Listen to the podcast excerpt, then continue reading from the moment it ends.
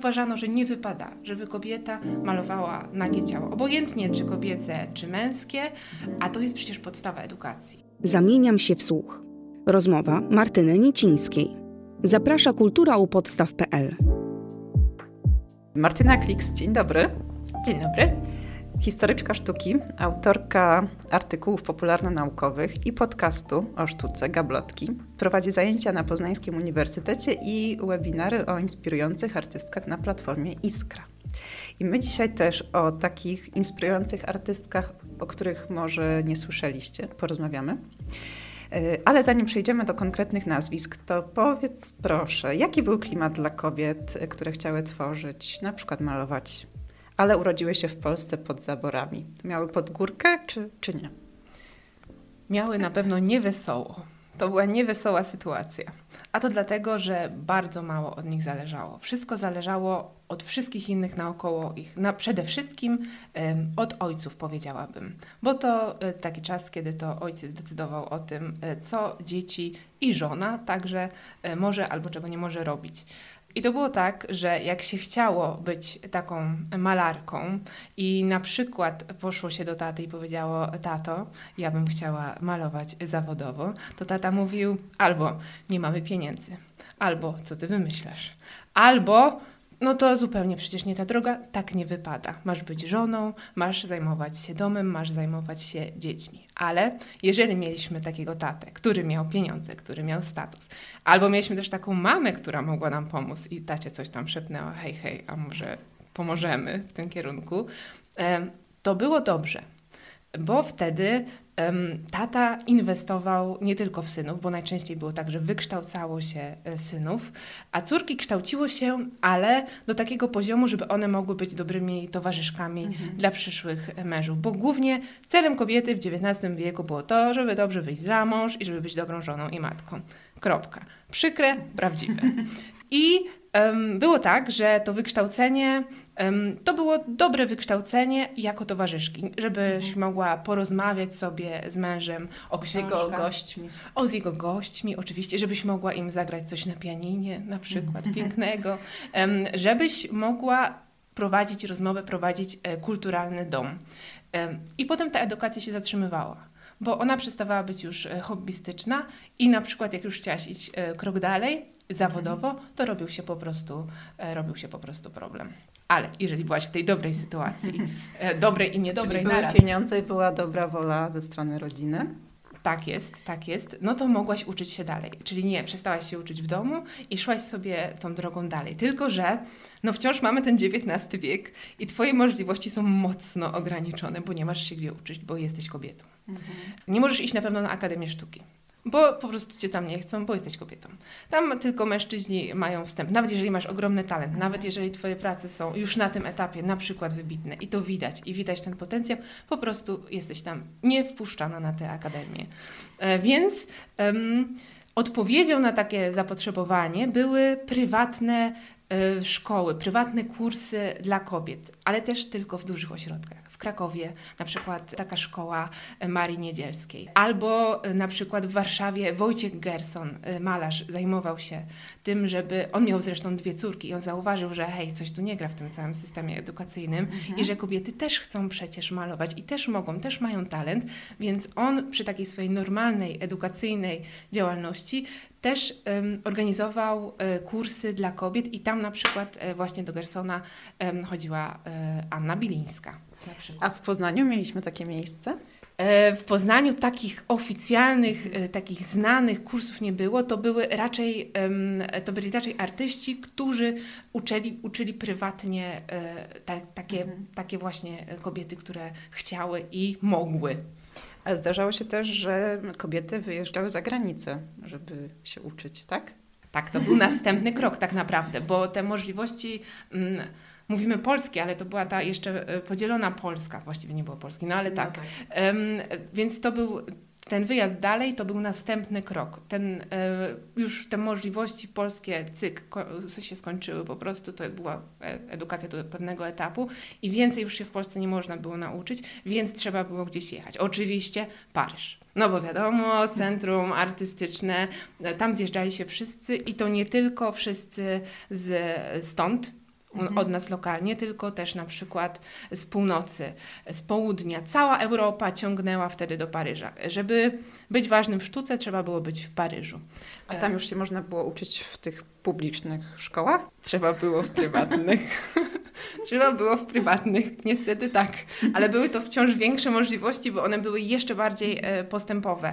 Na przykład pojawiła się możliwość tego, żeby można było namalować o jej nagiego modela. Wow. A no właśnie, bo o tym też nie powiedziałyśmy. Nie powiedziałyśmy, a to jest bardzo ważny wątek, tak. bo uważano, że nie wypada, żeby kobieta malowała nagie ciało. Obojętnie czy kobiece, czy męskie, mhm. a to jest przecież podstawa edukacji od zawsze była, od, znaczy może nie od zawsze, ale od, od wieków e, była to mhm. podstawa edukacji artystycznej, żeby malować e, nagie ciało, żeby się uczyć anatomii, żeby potem nie tylko do portretów, ale też do scen złożonych, historycznych, mhm. religijnych, czyli cała ogromna gałęź e, malarstwa, żeby dobrze skonstruować postać, musiałeś wiedzieć, jak ta postać jest złożona, jak wygląda naga, żeby ją potem nawet ubraną dobrze namalować. I kobiety nie miały do tego dostępu. Mhm. Czyli automatycznie wiadomo było, że będą tworzyły co? Pejzaże, martwe natury? Koniec? Tematy im, do których miały dostęp, mhm. czyli im najbliższe. Mhm. Martwe natury, no bo to jest wokół niej. Te tak. kwiatki w tych wazonach, tak, tak. owoce na paterach, to co ona widzi za oknem. Albo próby tego, co ma najbliżej, czyli próby postaci, które ją otaczają. Mhm. Takie tematy. Mówi się, że tematy kobiece, ja bardzo tego nie lubię, mhm. ale taka jest prawda. Wtedy, wtedy tak, wtedy tak mhm. było. Wróćmy jeszcze do tego Paryża w sumie, tak, tak. bo w Paryżu można wymienić um, taką najważniejszą akademię, Akademię Julien. Um, w niej właśnie kontynuowała swoją naukę Anna Bilińska, która tam pojechała i tam już można było tego modela, e, tego modela malować. Tam zresztą skupiła się duża taka, nie chcę powiedzieć kolonia, ale bardzo dużo artystek e, właśnie przyjeżdżało do Paryża, żeby studiować w Akademii Julien. E, I ja tak opowiadam, że fantastyczna sytuacja, te akademie i ten Paryż, tylko że to kosztowało dużo pieniędzy. Bo tak, musiałaś się przeprowadzić, musiałaś gdzieś mhm. mieszkać, musiałaś płacić za tą akademię, musiałaś płacić za pracownię, za wszystkie materiały. I no, liczyliśmy na to, że dos dosyła tata te pieniądze, tak? Albo rodzina, a bardzo długo jeszcze nie zarabiasz. Więc sytuacja jest trudna i dlatego tych kobiet było w sumie niedużo. Mhm. Niestety. Jeszcze trochę taka ciążyła presja, żeby się jednak wybić, wyróżnić i zacząć na siebie zarabiać. No i komu się to udało? Ha, udało się już tym, y, tym, o których opowiadałam, czyli Annie Bylińskiej, udało się y, Oldze Boznańskiej, y, udało się Zofii Stryńskiej, która troszeczkę inną drogę obrała, bo jeszcze nie powiedziałam, oprócz Paryża było też na przykład Monachium, a Zofia Stryńska to jest taki szalony przypadek, która bardzo chciała studiować w Monachium i to na akademii, ale nie mogła tego robić, bo była kobietą i musiała to robić w przebraniu. jako Tadeusz Zgrzymała. E, zachowały się takie zdjęcia, kiedy jest taka grupa po prostu artystów, sami faceci w marynarkach, w spodniach i tam ta Zofia taka też przebrana w marynarkę. No takie to były niestety czasy. Udało się też e, innym oczywiście artystkom. W Paryżu pojawiła się w pewnym momencie także e, Zofia Dziurzyńska-Rosińska, akurat w innej akademii, w Akademii Calarossi, ale tak, to była podobna akademia. I to jedna z dwóch bohaterek naszej rozmowy, o których opowiemy bardziej szczegółowo. No to zaczynamy. Zofia Dziurzyńska-Rosińska. Może zaczniemy od tego, jak ty wpadłaś w ogóle na tę artystkę, malarkę. Jak ją odkryłaś? Przypadkiem. Odkryłam ją przypadkiem. To jest bardzo zła odpowiedź, moim zdaniem, bo chciałabym powiedzieć, że odkryłam ją tak, że e, ktoś powiedział mi o niej w szkole, albo usłyszałam o niej na studiach, albo że czytałam bardzo popularną książkę i ona tam zajęła, to był cały rozdział na przykład o niej, ale tak niestety nie było. E, I muszę powiedzieć, że trafiłam na nią przypadkiem, oglądając e, katalog Muzeum Okręgowego w Lesznie. Akurat przygotowałam wtedy odcinek o Muzeum Okręgowym w Lesznie, o historii tej, tej instytucji, w ogóle kolekcji i właśnie w tym katalogu przeglądając, przyciągnęła mnie bardzo y, jedna z wielu prac. Niestety nie widziałam jej na żywo, bo akurat w Lesznie y, teraz jest zmiana lokalizacji i y, tylko część ekspozycji można oglądać na żywo, więc znam tą pracę tylko i wyłącznie z reprodukcji, ale już ta reprodukcja mnie tak przyciągnęła. To jest praca, na której jest las, jest kobieta i jest sztaluga. Nie za dużo tych elementów. Ale ta kobieta jest przedstawiona przed tą sztalugą w taki sposób, tak dynamicznie, tak lekko, z taką jakąś, z taką jakąś uroczą pasją, widać w niej tą pasję, że ja mówię sobie, ojej, no kto to jest? No i przeczytałam Zofia Dziurzyńska-Rosińska. I tak się poznałyśmy. A wiemy coś o okolicznościach powstania tego obrazu? E, obraz namalował Hieronim Malina. E, ta dwójka spotkała się w Poznaniu, bo razem należeli do środowiska poznańskiego wtedy, środowiska artystycznego w Poznaniu e, wtedy. Rosińska, Dziurzyńska Rosińska, już wtedy właściwie też Rosińska, bo po ślubie, przyjechała do Poznania na początku lat dwudziestych, a Hieronim Malina przyjechał troszeczkę później, 9 lat później, ale oni musieli się spotkać, bo to środowisko poznańskie, ono nie było duże. Jeżeli byłaś artystą, wystawiałaś, miałaś tych samych znajomych, spotykałaś, kurczę, nawet w kawiarni, więc oni musieli na siebie wpaść, a skoro byli artystami, to też właśnie spotykali się w takich artystycznych okolicznościach i moje przypuszczenie, przypuszczenie zaznaczam, jest takie, że po prostu razem pojechali na plener. Rok 1933. No właśnie te przypuszczenia i, i dopowiedzenia są, są fajne w tych y, historycznych badaniach. No ale wiadomo, że na tym nie można zakończyć i pewnie podjęłaś się małego śledztwa. E, jak to było z tą Zofią Dziurzyńską, Rosińską? Jak wyglądała jej droga zawodowa. Ona um, wyszła z takiej rodziny, która akurat umożliwiła jej edukację. Najpierw w, w, w Lwowie, e, potem zaczęła wyjeżdżać, czyli wiadomo, że tam pieniądze były, bo skoro były wyjazdy, to musiały być pieniądze. Były wyjazdy zagraniczne e, do Monachium, do Drezna, tam wszędzie jakieś etapy nauki artystycznej. Był wyjazd właśnie do Paryża, do tej Akademii Colarossi. E, były wyjazdy do Włoch. Wszędzie to była nauka, więc ta jej sztuka tak się pięknie kształtowała przez lata. Potem był ślub i potem właśnie Zofia Dziurzyńska-Rosińska pojawiła się w Poznaniu. I w tym Poznaniu szalała, bo nie tylko malowała, ale też organizowała życie artystyczne Poznania. Była na przykład współzałożycielką takiego ważnego stowarzyszenia, ugrupowania Plastyka.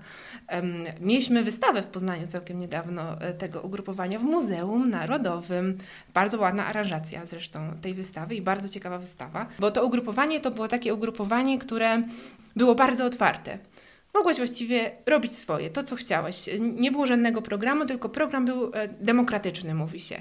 Obojętnie jaka technika. Malarstwo ok, te tkanina ok, ceramika ok, wszystko wchodziło w grę.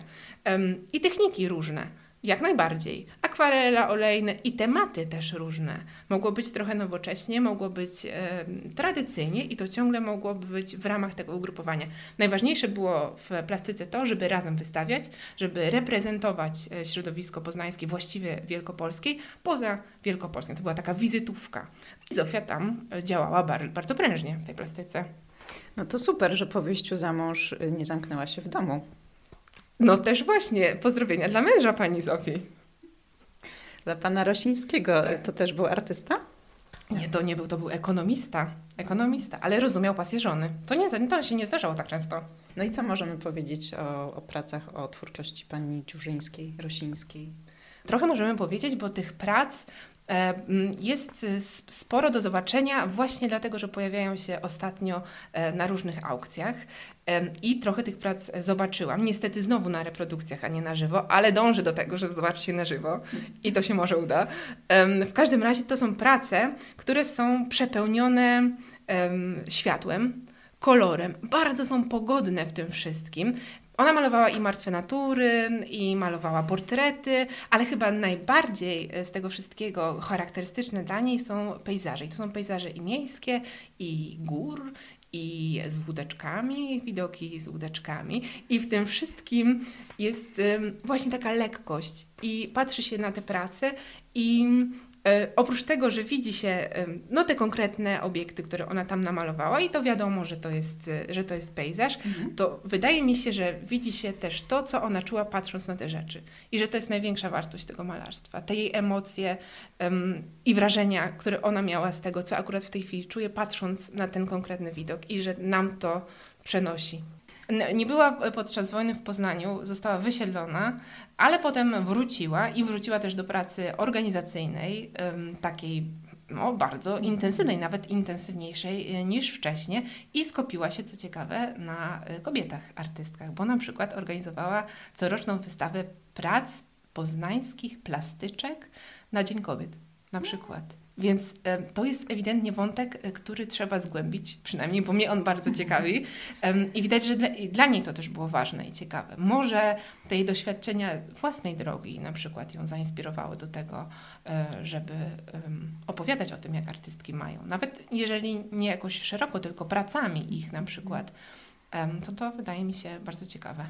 Jak to się stało, że jej nazwisko no, nie jest za bardzo znane? Powiedzmy sobie wprost. To jest trudne bardzo pytanie. Dlaczego e, nazwiska artystek nie są znane? Takich artystek. Bo oczywiście tych dużych, duże nazwiska dużych artystek, tak powiem, oczywiście mhm. machając w powietrzu i robiąc cudzysłów, że dobrze, wiemy Boznańska, wiemy Bielińska, bardzo ważne, duże wystawy e, przez ostatnie 10 lat, duże biografie, a Dziurzyńska wciąż czeka mhm. na taką biografię na przykład. nie możemy odkryć wszystkiego naraz, ale na pewno to się dzieje. Jest to proces i on trwa i to jest fantastyczne. Pojawiają się takie inicjatywy jak e, no, Muzeum Historii Kobiet na przykład, albo no właśnie te biografie, które są pisane, coraz nowsze, coraz więcej jest tych badań, no i to cieszy. Więc trochę cierpliwości i one będą, te mhm. artystki, one się pojawią, na pewno. Na pewno y, będzie odcinek o dzieciach znanych artystów, malarzy i w tym odcinku znajdzie się kolejna bohaterka naszej rozmowy, czyli Wanda Hełmońska. Znajdzie się na pewno, tak. Ja już od dawna mam zapisany ten odcinek w, na mojej liście do zrobienia. Um, I ta Wanda um, jest ciekawą postacią, bo ona zresztą też jest związana z, z tym poznańskim środowiskiem. Ona się pojawiła jeszcze 10 lat później, czyli w latach 30. dopiero trafiła do Poznania. Ale wcześniej e, właściwie szła bardzo podobną drogą, też paryską. Tylko ona już nie na takich, w takiej prywatnej uczelni, tylko ona akurat na Akademii Sztuk Pięknych. To się udało. Może to się udało, bo tata. Mhm. Bo Wanda Chełmońska, tak mówimy, Wanda Chełmońska. A Wanda Chełmońska to jest e, córka najmłodsza Józefa Chełmońskiego. Tego Józefa Chełmońskiego. Od tych bocianów. Od tych żurawi i od tego babiego lata. To jest ten człowiek, dokładnie. I to jest jego najmłodsza córka. Więc można powiedzieć, że nazwisko zobowiązuje, oczywiście, ale nie wszystkie córki y, małżeństwa hełmońskich były artystkami, tylko właśnie, tylko właśnie Wanda. Wandę wychowywała mama głównie, bo akurat już wtedy to małżeństwo się rozpadło, ale Wanda zawsze miała z tyłu w głowy, że tata i że, ten poten, i że ten potencjał artystyczny gdzieś tam jest i bardzo była zafascynowana e, sztuką Józefa Chełmońskiego i on to zauważył. I mu powiedział sobie, no czemu ja przecież Wandy nie mam uczyć? Więc uczył Wandy rysunku i zauważył, że Wanda ma ogromny talent, ma ogromny potencjał, więc poprosił e, znajomego, którego Wanda zresztą nazywała wujem i to tam w jakiejś tam linii wuj był, Władysława Ślewińskiego, o to, żeby on Wandę uczył. I on Wandę uczył i też zobaczył ten potencjał, i też zobaczył ten talent. E, I potem została podjęta decyzja, zresztą mama też bardzo powiedziała, że to jest dobry pomysł, żeby Wanda pojechała no, do takiego prawdziwego centrum artystycznego, czyli do Paryża. I Wanda się zawzięła i na, była na Akademii e, Sztuk Pięknych i jeszcze studiowała równolegle historię sztuki na Sorbonie. Także to była taka edukacja pełna, można by było, można by było powiedzieć. I ten Paryż był sukcesem tak naprawdę, bo pojawiły się wystawy właśnie w Paryżu, czyli w takim miejscu, gdzie wystawy chciał mieć e, każdy. Pojawiła się też przyjaźń z Olgą Poznańską na przykład. I panie się spotykały. Jest znany portret zresztą e, Wandy Chełmońskiej, e, który jest nie jest do obejrzenia. Chciałam powiedzieć, że jest do obejrzenia w Poznaniu, ale nie jest, ponieważ jest poza ekspozycją. Mm, możemy oglądać dużo prac Olgi Poznańskiej e, w Muzeum Narodowym i to trzeba przyznać, że w Poznaniu jest dużo prac i bardzo ładnie wystawionych i można je oglądać, ale akurat, akurat Wanda nie. A to jest bardzo ciekawa praca, bo mm, e, charakterystyczna oczywiście dla Olgi Poznańskiej, takie, wszystko jest takie olgo-boznańskowe, rozmyte. I te kolory są e, też właśnie takie, te, te, te, plamy są takie porozmywane. Tylko Wanda jest tam bardzo ciekawa, bo Wanda siedzi bardzo swobodnie, jedną rękę opiera, ona jest w takiej białej sukni, ta biała suknia jest taka enigmatyczna troszeczkę, nie widzimy konturów tej sukni i Wanda patrzy na nas takimi super jasnymi niebieskimi oczami, prosto na widza prosto na nas. I jest, nie jest w ogóle tajemnicza, jest pewna siebie bardzo. I to chyba o Wandzie coś nam mówi. Tak Aha. mi się wydaje. Mhm. I to była też taka przyjaźń, że Olga namalowała Wandę, a Wanda Olgę. Więc wydaje mi się, że panie spędziły ze sobą dużo czasu. Poza tym raczej możemy stwierdzić, że skoro mamy portret Wandy namalowany przez Olgę Boznańską, której zajmowało malowanie bardzo dużo czasu, bo zresztą y, jest dużo takich relacji osób, które obserwowały ją przy pracy, że no to są były godziny, y, które ona spędzała na malowaniu tych portretów i często też rozmawiała z tymi osobami, y, które malowała. Więc skoro jest portret, to znaczy, że to był do, dobry kontakt. A obraz Wandy gdzieś można zobaczyć? Chciałam powiedzieć tak, ale również jest poza ekspozycją. A też w Poznaniu? W Muzeum Narodowym w Warszawie. Okay. To jest pastel, na którym jest. A to też w sumie ciekawe, bo ten pastel jest już jak Wanda wróciła z Paryża, jest zrobiony ze zdjęcia. E, mhm. Olgi Boznańskiej. E, to jest, takie, to jest taki pastel, Olga jest tam e, z, z profilu, trzyma pędzle i ten charakterystyczny profil z tym takim kokiem na samym czubku głowy, to jest dokładnie właśnie ta praca. I ona posłużyła jako to jest ciekawe, jako ilustracja do artykułu, który Wanda napisała Oldze Boznańskiej jakoś tak pod koniec lat dwudziestych do czasopis, jakiegoś takiego czasopisma o kobietach. Dla kobiet o kobietach, jaka to Olga jest e, wielki sukces, ale to prawda. I więc wydaje mi się, że jako inspirującą historię po prostu. A jak się potoczyła historia Wandy? Zdobyła to piękne wykształcenie w Paryżu i co dalej? I przyjechała, y, przyjechała do Polski, y, do Poznania. I to właśnie mamy, już to jesteśmy w latach 30. I w Poznaniu w tym e, środowisku artystycznym wystawiała swoje prace, miała też wystawę indywidualną, czyli znacząca sprawa. Zajmowała się też organizacją tego życia y, y, artystycznego tutaj, więc ta praca i równolegle cały czas e, malowała. No właśnie, jakie było jej malarstwo? Też lubiła bociany i żurawie? Mniej e, powiedziałabym, że jest tych bocianów i tych żurawi i tych kuropat, ale e, pojawiają się te elementy, które pojawiają się też u Józefa Chełmońskiego, czyli ta taka trochę przetłumaczona na malarstwo e, ludowość, która zresztą bardzo podobała się za granicą w malarstwie Chełmońskiego i w malarstwie Wandy Chełmońskiej ona też się bardzo podobała. Na przykład takie chaty, które malowała zresztą takimi ruchami bardzo odważnymi. To malarstwo z moich obserwacji wynika, że jest właśnie takie zamaszysty, takie odważne, że jeżeli jest to jakiś obraz olejny, to on jest tak grubo nałożony, jest ta farba. Trzeba mieć odwagę, żeby tak malować. To jest inne malarstwo niż Zofii Dziurzyńskiej. Kolor jest równie ważny i u tej, i u tej, ale u Wandy Chełmońskiej jest tak z takim przytupem, powiedziałabym, że jest takie zdecydowanie i ja to zdecydowanie widzę też w tych oczach yy, na portrecie poznańskiej. Tak mi się to składa w jakąś jedną historię. O, pięknie. A jeszcze co do stylu, e, to bo czasami tak jest, że, że dzieci znanych rodziców chcą się czymś odróżnić. Czy ty widzisz jakąś taką próbę w jej twórczości, w której się chciała odróżnić od ojca?